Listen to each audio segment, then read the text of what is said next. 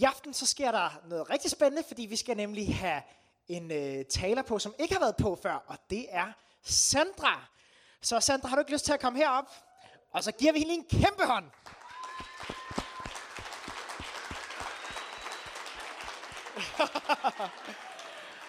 og øh, Sandra, hun er mega sej og helt vildt flink.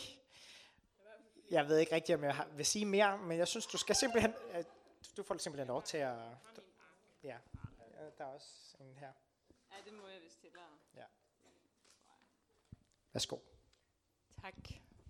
Ja, hej.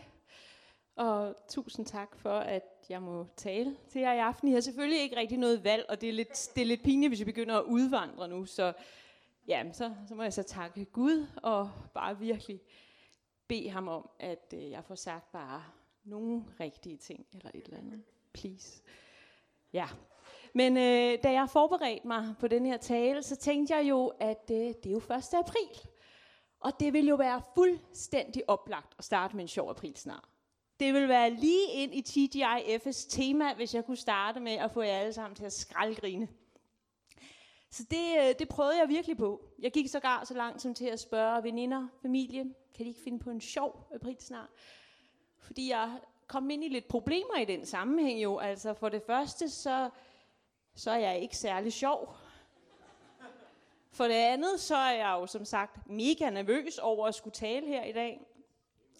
Og for det tredje, så øh, gik det op for mig, at hvis det virkelig lykkedes mig at få jer til at grine sådan her i begyndelsen af talen, så ville det give jer for høje forventninger til resten af talens niveau. Så det kunne jeg jo, det kunne jeg jo ikke. Nej. Så da jeg havde skrottet aprilsnaren som indledning på talen, så begyndte jeg i stedet at spekulere på min berettigelse til at tale her til TGIF. Og så kom jeg til at tænke på det helt oplagte med, at jeg stadig er det, man kunne kalde nykristen. Altså mere eller mindre. Jeg blev kristen for halvandet, to års tid siden, og før det har jeg ikke bestilt så meget andet end at vælte rundt i verden. Så, så der er jo masser, man kan tage fat i. Hele omvendelseshistorien. Bål, brand, efterfølgende lys, kærlighed, en uendelig accept. Bare det der med, at man bliver fuldstændig forandret ved at vide, at man er fuldstændig accepteret. Det er en smuk historie, og det er en historie, jeg nok aldrig bliver helt færdig med at fortælle, både med mig selv og med andre som hovedperson. Det ene menneske, hvis liv kan forandres ved overgivelsen til en kærlighed, der er så meget større end vores rationelle begreb om virkeligheden. Og derfor er det også i min mening noget af det mest rationelle, vi kan bruge vores liv på, at søge den kærlighed, og søge den, og søge den og forstå den bedre. Men altså problemet var, at jeg følte, at jeg blev lagt noget helt andet på hjertet at tale om. Nemlig de to elementer ved min tro, som øh, de tro, tos, trostanker, kunne man kalde det, som har reddet mig fra den livsbane, som jeg ellers havde fået forvildet mig lidt ind på. Det første, det er en forståelse af Jesu lidelse. Yes, det er et tungt begreb. Det andet, det er øh, fællesskab. Nemlig det kærlige fællesskab, som jeg tror, troen kalder os til at leve i. Så man kan sige, at jeg har bygget min tale lidt op som en slags pædagogisk sandwich. Første bløde indledning. Lidt sjov. så, så er det hårde, Jesu lidelse. Og så er det positivt bløde igen, fællesskabet. Yes. Så det er jo solidt tænkt. Ikke at jeg mener, at det ene er vigtigere end det andet, men det vil jeg vende tilbage til. Men som sagt, så gik det tema altså stik imod, hvad jeg umiddelbart havde tænkt, jeg skulle tale om. Især det med Jesu lidelse. Hvor jeg måske havde forestillet mig, at jeg skulle tale om noget ungt, noget smart, så følte jeg mere denne her høje røst. Røsten fra det høje, der sagde, Sandra, du skal tale om Jesu, Jesi lidelse. Lidelse, som i det blod, der flød. Det rene blod, der flød fra hans højt ærede, uskyldige pande. Det rene offerlam, påskelammet. Lammets blod, der flød for at gøre os frie. Ja, jeg kan nok forestille jer min skepsis. Jeg synes absolut ikke, det er et tema, der passer sig for Vineyards nye smarte alternative fredagsgudstjeneste. Jeg synes nærmest, det forekommer en smule fejlplaceret. Altså, særligt fordi jeg til med følte, at jeg skulle lægge det her middelalderlige, meget makabre fokus specifikt på lidelsen. Ja. Umiddelbart så forbinder jeg det fokus med en konservativ, selvstraffende form for kristendom, som jeg på ingen måde forbinder mig selv med, og som jeg endnu mindre forbinder Vineyard som kirke med. Så det var jo lidt et problem, jeg stod med der. Men jeg gjorde ikke rigtig noget ved det, fordi jeg behøvede ikke begynde at skrive talen endnu. Så øh, jeg regnede ligesom med, at der ville dukke noget bedre op, uden at jeg som sådan behøvede at gøre en decideret indsats for det. Det er nemlig sådan, jeg generelt skriver opgaver. En slags tillidsfuld strategi, kunne man kalde det. Yes. Men der skete jo hverken værre eller bedre, end da jeg endelig var nødt til at skrive talen, så var der ikke kommet noget bedre tema op. Og så er det jo heldigt, at jeg tror på Gud. Fordi så satte jeg jo bare min lid til, at det ikke var min mangel på refleksion, men Gud, der valgte temaet. Og det, det er sådan et spændfelt, man ofte bevæger sig i som kristen. Og det har jeg lært, at det sætter ikke ens kærlighed til Gud i et dårligere lys. Fordi jeg elsker Gud og tror på Gud. Men måden, hvor jeg bog, jeg blev mindet om, at jeg skulle tale om Jesu lidelse, det var ved at komme i tanke om en gang, da jeg havde været, øh, før jeg blev kristen, et halvt års tid før jeg blev kristen, hvor jeg havde været til en oplæsning i en boghandel på Nørrebro. Og det var en oplæsning af et værk skrevet af nonnen Juliana Norwich, der levede i England i middelalderen. Og værket har en interessant historie af to årsager. For det første, så er det den første engelske prosatekst, som man med sikkerhed ved er skrevet af en kvinde. Og det er jo interessant, fordi teologien generelt har været domineret af mandlige hovedpersoner, og øh, kirken har øh, ry for at være et patriarkalt system, så det synes jeg er vældig interessant. Men jeg vil ikke komme nærmere ind på det. for det andet, så er det interessant, fordi at teksterne udtrykker visioner, som Julian modtog, da hun lå dødeligt syg af en ukendt sygdom, måske pest. Men jeg kan tydeligt huske, da jeg læste nogle af de her tekster første gang. Jeg ved virkelig ikke, hvorfor jeg købte bogen. Jeg var ud fra, at jeg må have tænkt, at der var noget litterær smartness at hente. Men jeg gik i gang med at læse, og jeg tænkte umiddelbart, hvad er nu det for noget bræk? Dernæst tænkte jeg sådan lidt forsonende, man skal nok have et forhold til Jesus, for at de her tekster kan appellere til en. Jeg kommer lige med et eksempel på PowerPoint, hvis der er. Yes. Der så jeg pludselig rødt blod pible frem under tornekronen. En overvældende strøm, helt varm, frisk og livagtig, som jeg forestillede mig, at det måtte have set ud på det tidspunkt, hvor tornekronen blev presset ned over hans velsignede hoved. Sådan led han, som var både Gud og menneske for mig. Det er jo nærmest drabeligt.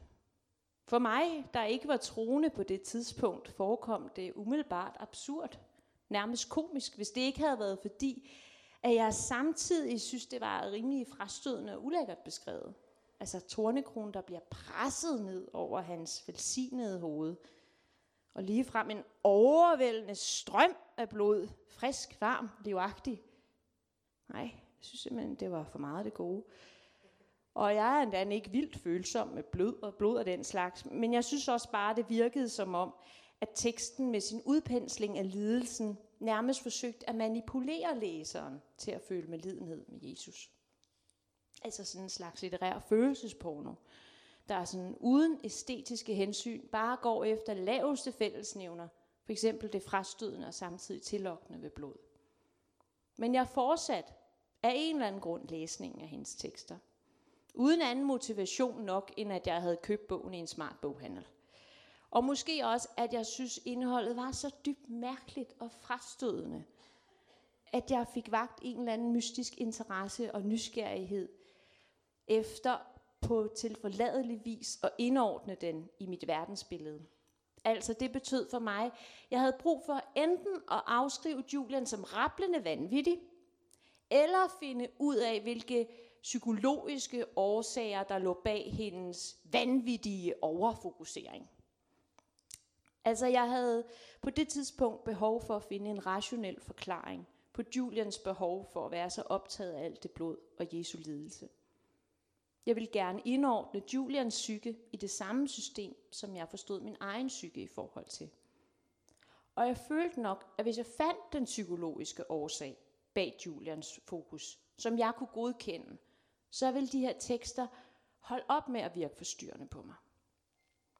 Så da jeg læste, at hun muligvis skrev teksterne i et kloster, som hun var kommet ind i, efter at hendes mand og måske et barn var død af pest, så tænkte jeg, aha, det var jo godt. Det var forklaringen. Hun var jo tydeligvis et menneske i dyb krise. Traumatiseret ud over alle grænser, og det er jo åbenlyst hendes motivation for at skrive noget så barbarisk. Det er jo vældig belejligt. Så behøver jeg ikke spekulere mere over det. Men det gjorde jeg alligevel. Jeg ved ikke, hvad det var. Men efter at have læst hele bogen, som fortsætter i ret meget samme spor over 200 sider, så satte der sig bare sådan en dyb vemmelse i mig. Og jeg har stadig svært ved i dag at føle, at jeg kan beskrive det mere præcist end dyb vemmelse. Når jeg tænker tilbage på det nu, så tror jeg egentlig, at jeg følte mig en lille smule hjemsøgt af den her vemmelse. Og jeg blev egentlig nærmest irriteret på bogen for at have været så følelsespornografisk, at den havde udsat mig for litterær voldtægt. Jeg følte, at teksterne kastede mig ind i et tomrum af smerte, lidelse og blod, uden at vise nogen vej ud derfra.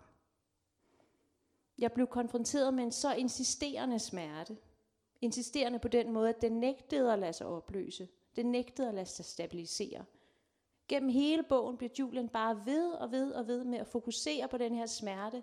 Hun bliver ved med at fokusere på blodet, uden at give sig selv eller læseren nogen som helst mulighed for at forløse den her smerte.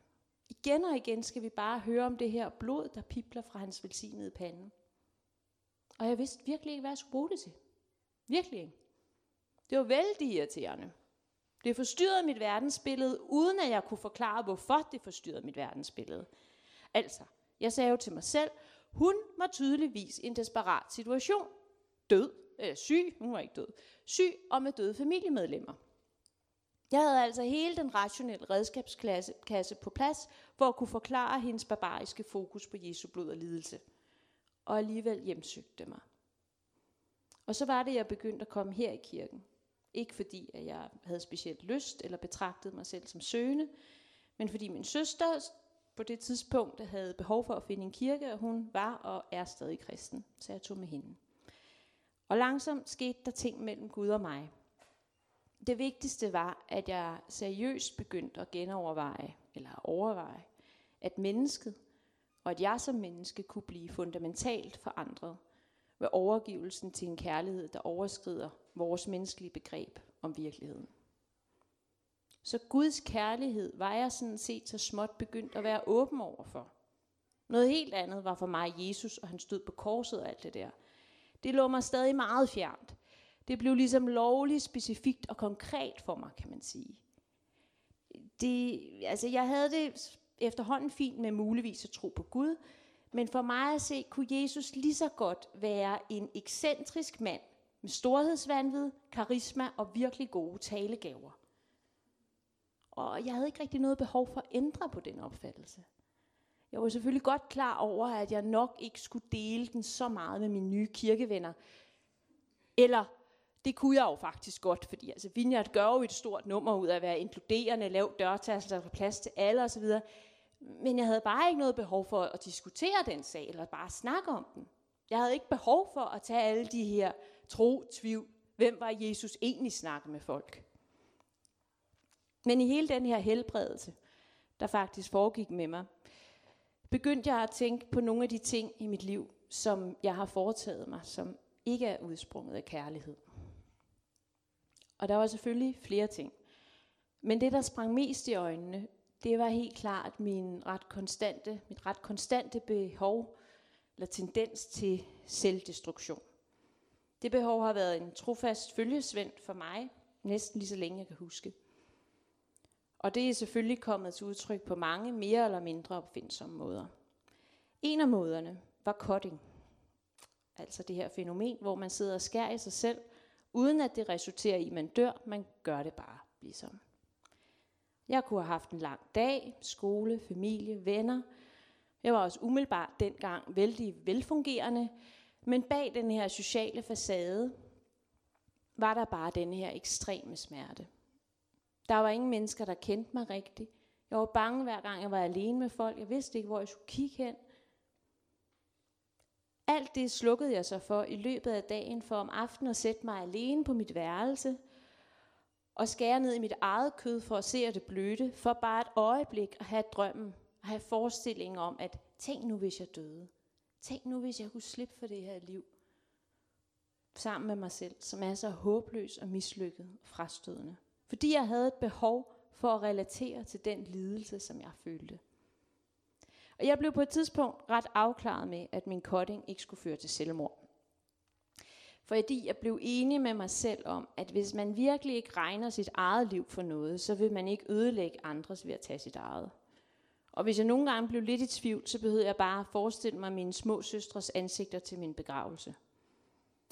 Men jeg blev altså ved med at kotte, selvom jeg ikke sigtede efter at dø af det. Jeg havde bare brug for denne her regelmæssige forløsning af smerte, som jeg ikke følte, jeg havde noget som helst andet sted at rette hen end mod mig selv. Alt det blev jeg mindet på, da min sjæl begyndte at blive genoprettet af Guds kærlighed. Og jeg kom igen i tanke om Julian og hendes vanvittige overfokusering på Jesu blod og lidelse. Og langsomt begyndte en eller anden forståelse at forme sig i mig. Den smerte, den smerte, som jeg har følt, og den smerte, som jeg intet andet sted har haft at rette hen end mod mig selv. Måske er det den smerte, som er grunden til, at Jesus skulle dø på et kors for vores skyld. Måske har jeg helt misforstået det, når jeg har tænkt korset som et vulgært, undertrykkende og konservativt religiøst symbol. Måske er det mig, der har misforstået, at død på et kors, lidelse og blod, blod er noget fremmedartet og mystisk for menneskelivet. Måske er det lige præcis den smerte, som jeg har oplevet, som jeg har påført mig selv, som Jesus døde på et kors for at frelse os fra. Og jeg tror, at det er en smerte, som de fleste mennesker kender til. Jeg tror, at det er en eksistentiel smerte, som hører med til det at være menneske. Så tog jeg den selvfølgelig til en ekstrem. Og jeg har sandsynligvis haft sværere ved at styre min, øh, mit sind end gennemsnittet. Men jeg tror stadig ikke, at det er en smerte, der er begrænset til mig. Jeg tror, at alle mennesker på tidspunkter i deres liv vil blive konfronteret med en følelse af dyb eksistentiel smerte, og vores succeskriterie ikke så meget skal være, hvorvidt vi møder den her smerte eller ej, men hvordan vi forholder os til den, hvor vi retter den hen. Og døden på korset er måske Jesus desperate råb for 2000 år tilbage til os i dag om, at vi er frikøbt. Vi er frie til aldrig at skulle straffe os selv for at være håbløse og uperfekte mennesker. Eller hvad vi nu end kan finde på at torturere os selv med. Og ja, kunne han da ikke bare have sagt det, i stedet for at gå til en ekstrem? Det gjorde han jo også, kan man sige, med al hans snak om kærlighed. Men er det nok for os mennesker? Er det virkelig nok for os med ord? For at få os til at forstå, at vi er frie fra at skulle påføre os selv eller andre smerte af den ene eller anden form. Nogle gange er ord nok. Hvis vi ikke er desperate, kede af det, forladte. Og så kan man læse mange smukke ting i Bibelen. Men når vi nogle gange befinder os i situationer, hvor alt er slået fejl, eller måske bare den ene ting, som vi holdt aller, aller mest af. Nogle kan være døde, nogle kan have forladt os. Men når ord ikke er nok, så er Jesus død på korset. Hans desperate råb til os i dag om, at vi må ikke. Vi må ikke straffe os selv. Vi kan muligvis hade os selv et øjeblik. Vi kan muligvis hade vores liv. Men han elsker os så fundamentalt dybere, at han gjorde det for os. Han betalte den yderste pris, for at vi aldrig nogensinde skulle gøre det mod os selv. Han døde på et kors, for at vi aldrig nogensinde skulle hænge os selv derop. Som hans råb lyder for 2000 år tilbage. Du skal elske din næste som dig selv. Ikke skal som en beordring, men skal som en desperat tækkende bøn. Du skal elske din næste som dig selv. Det var det, han døde på korset for at få os til at forstå. Og så kan man indvende, at korsdød er et forhistorisk stivfrossent og uaktuelt religiøst symbol. Det troede jeg over os selv. Håbløst uaktuelt. Problemet er bare, at den smerte, vi mennesker føler, ikke er blevet uaktuel. Den lever stadig lige så balstyrisk og nogle gange direkte voldelig, som dengang Jesus levede. Og jeg kunne narre mig selv nok så meget, til at føle mig helt distanceret til den grænseoverskridende lidelse, som Julian fokuserer på ved Jesus død. Men jeg sad kun få år for inden jeg læste det, og skar i mig selv, bare for at give den uforklarlige og alt overskyggende smerte et eller andet ansigt. Og det blev så mit eget, mit eget ansigt, min egen krop. Og her vil Jesus være mellemmand. Mellem dig og mig og vores smerte, skyder han sig ind og betaler den yderste pris, for at vi aldrig skal afkræve den af os selv igen. Hvad end du har af smerte i dit liv, så beder Jesus dig. Han tryller dig, desperat for korset, ikke om at holde op med at føle, men mod nogensinde at bruge den smerte mod dig selv, og klynge dig selv op på dit private kors. Og så kan man mene nok så meget, at den slags drabelig smerte er passé for et moderne, udviklet, civiliseret menneske. Det troede jeg jo, og jeg fattede ikke Julians behov for at skrive de her tekster. Men samtidig med, at jeg ikke forstod, hvad hun så i Jesus smerte, påførte jeg mig selv smerte og led under en smerte, som for mig ikke udelukkende lod sig opløse af forklaringer om dårlig selvværd og alle de uperfekte omstændigheder, der omgiver et menneske, menneskeliv. Ikke at det skal siges, at jeg tager på ingen måde afstand til generel psykologisk og psykiatrisk behandling. Det kan være en virkelig vigtig ting, og det har hjulpet mange mennesker, det skal det blive ved med at gøre. Jeg har bare erfaret i mit eget liv, at det ikke altid er helt nok. At man også har brug for troen. Måske. Det har jeg oplevet. Ja. Ja. Øh. Og jeg tror, som sagt, at vi mennesker er blevet givet den her eksistentielle smerte i livet, som ikke opløser sig lige meget, hvor meget vi gør os af erkendelser om de årsager, der ligger bag. En eksistentiel smerte, som ikke lader sig opløse, men som til en, vi i en vis grad er tvunget til at leve sammen med, og som vi altså ikke så meget skal bedømmes på, hvorvidt vi møder, men hvordan vi håndterer. Det kan være, at du for eksempel skubber folk væk, der kommer for tæt på, fordi du ikke føler dig værd at elske. Det kan være, at du kæmper med angst, misbrug, andre forstyrrelser eller perfektionisme. Det kan være, at du bare kæmper med den her stemme indvendigt, som evig og altid prøver at fortælle dig, at du ikke er god nok. Og prøver at afholde dig fra at kaste dig ud i nye ting, indgå nye relationer, eller hvad det nu kan være. Det er den eksistentielle smerte, som Julian finder svar på i sin syn ved at stige på det blod, der overstrømmer Jesus pande. Hun finder svar på den måde, at hun igen og igen indser, at han virkelig døde for vores skyld. Men alligevel vender hun igen og igen tilbage til at stige på billedet af ham, der lider på korset. Og jeg tror, at det er sådan, livet optimalt kan leves. I konstant vekslen mellem forståelsen af, at vi virkelig er fuldstændig frie, fuldstændig sat fri af smerten af kærlighedens kraft. Til igen og igen at vende tilbage til den lidelse, Jesus oplevede på korset.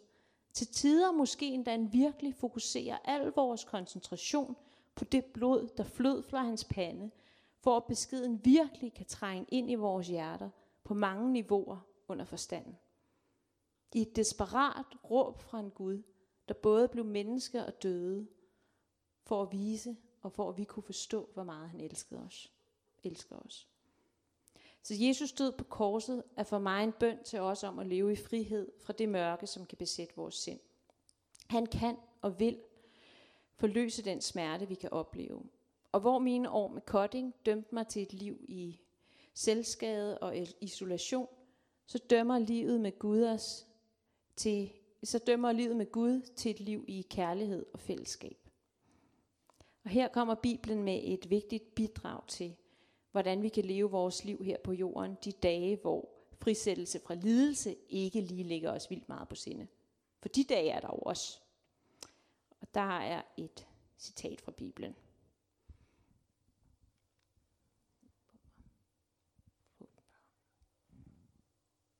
Yes.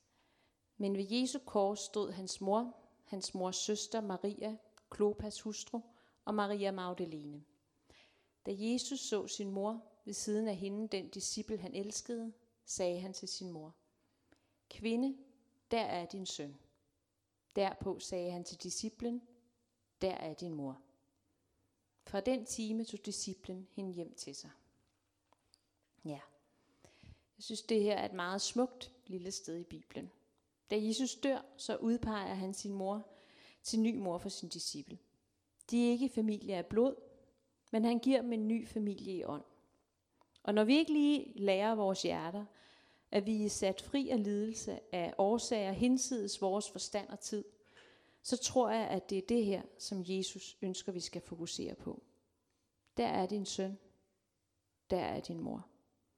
Med andre ord, du er ikke alene.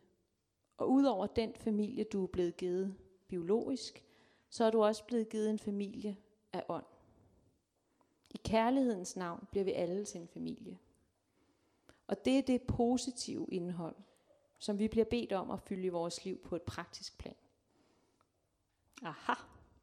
Og det er så lige præcis her på falderæbet, at jeg bliver ung og kæk og super aktuel. Fordi jeg var heldig i tirsdags se, hvad der stod på forsiden af Metro Express.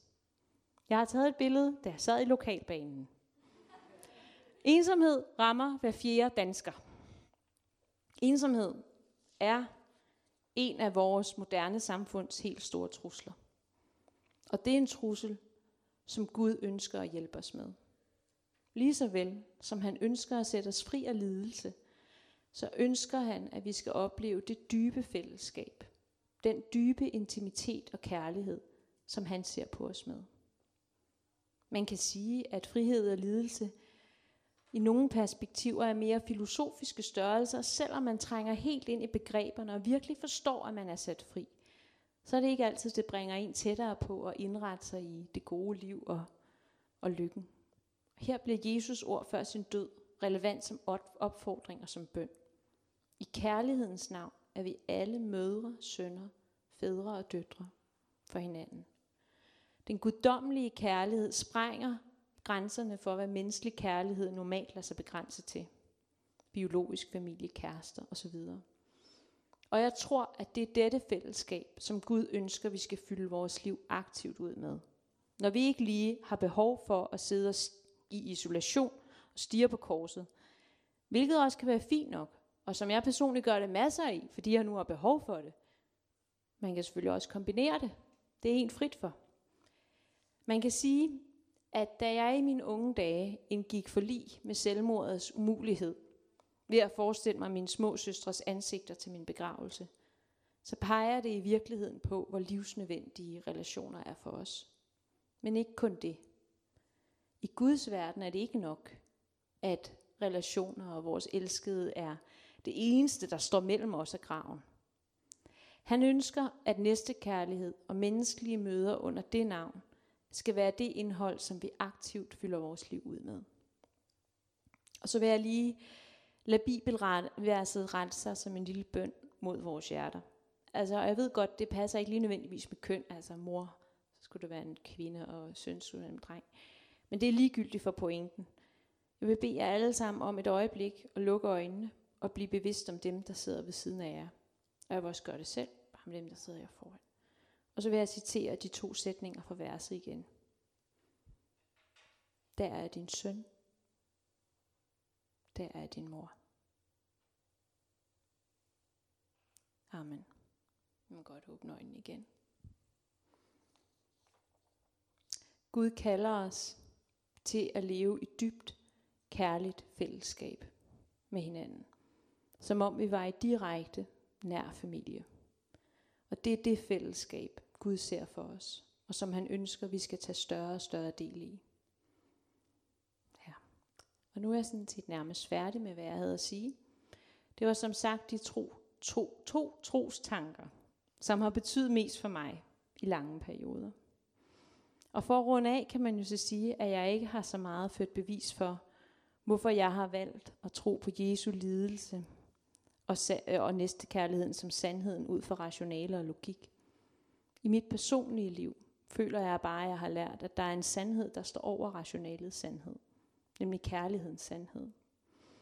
Så jeg har mest bare forsøgt at vise, hvorfor jeg har et dybt behov, et afmægtigt skrig af et behov for at tro på, at det er sådan, for at tro på, at det er sandheden. Og hvordan jeg har oplevet, at Gud er kommet mig i møde i det behov. Ligesom han også på et hvilket som helst tidspunkt og i en hvilken som helst omstændighed vil komme dig i møde.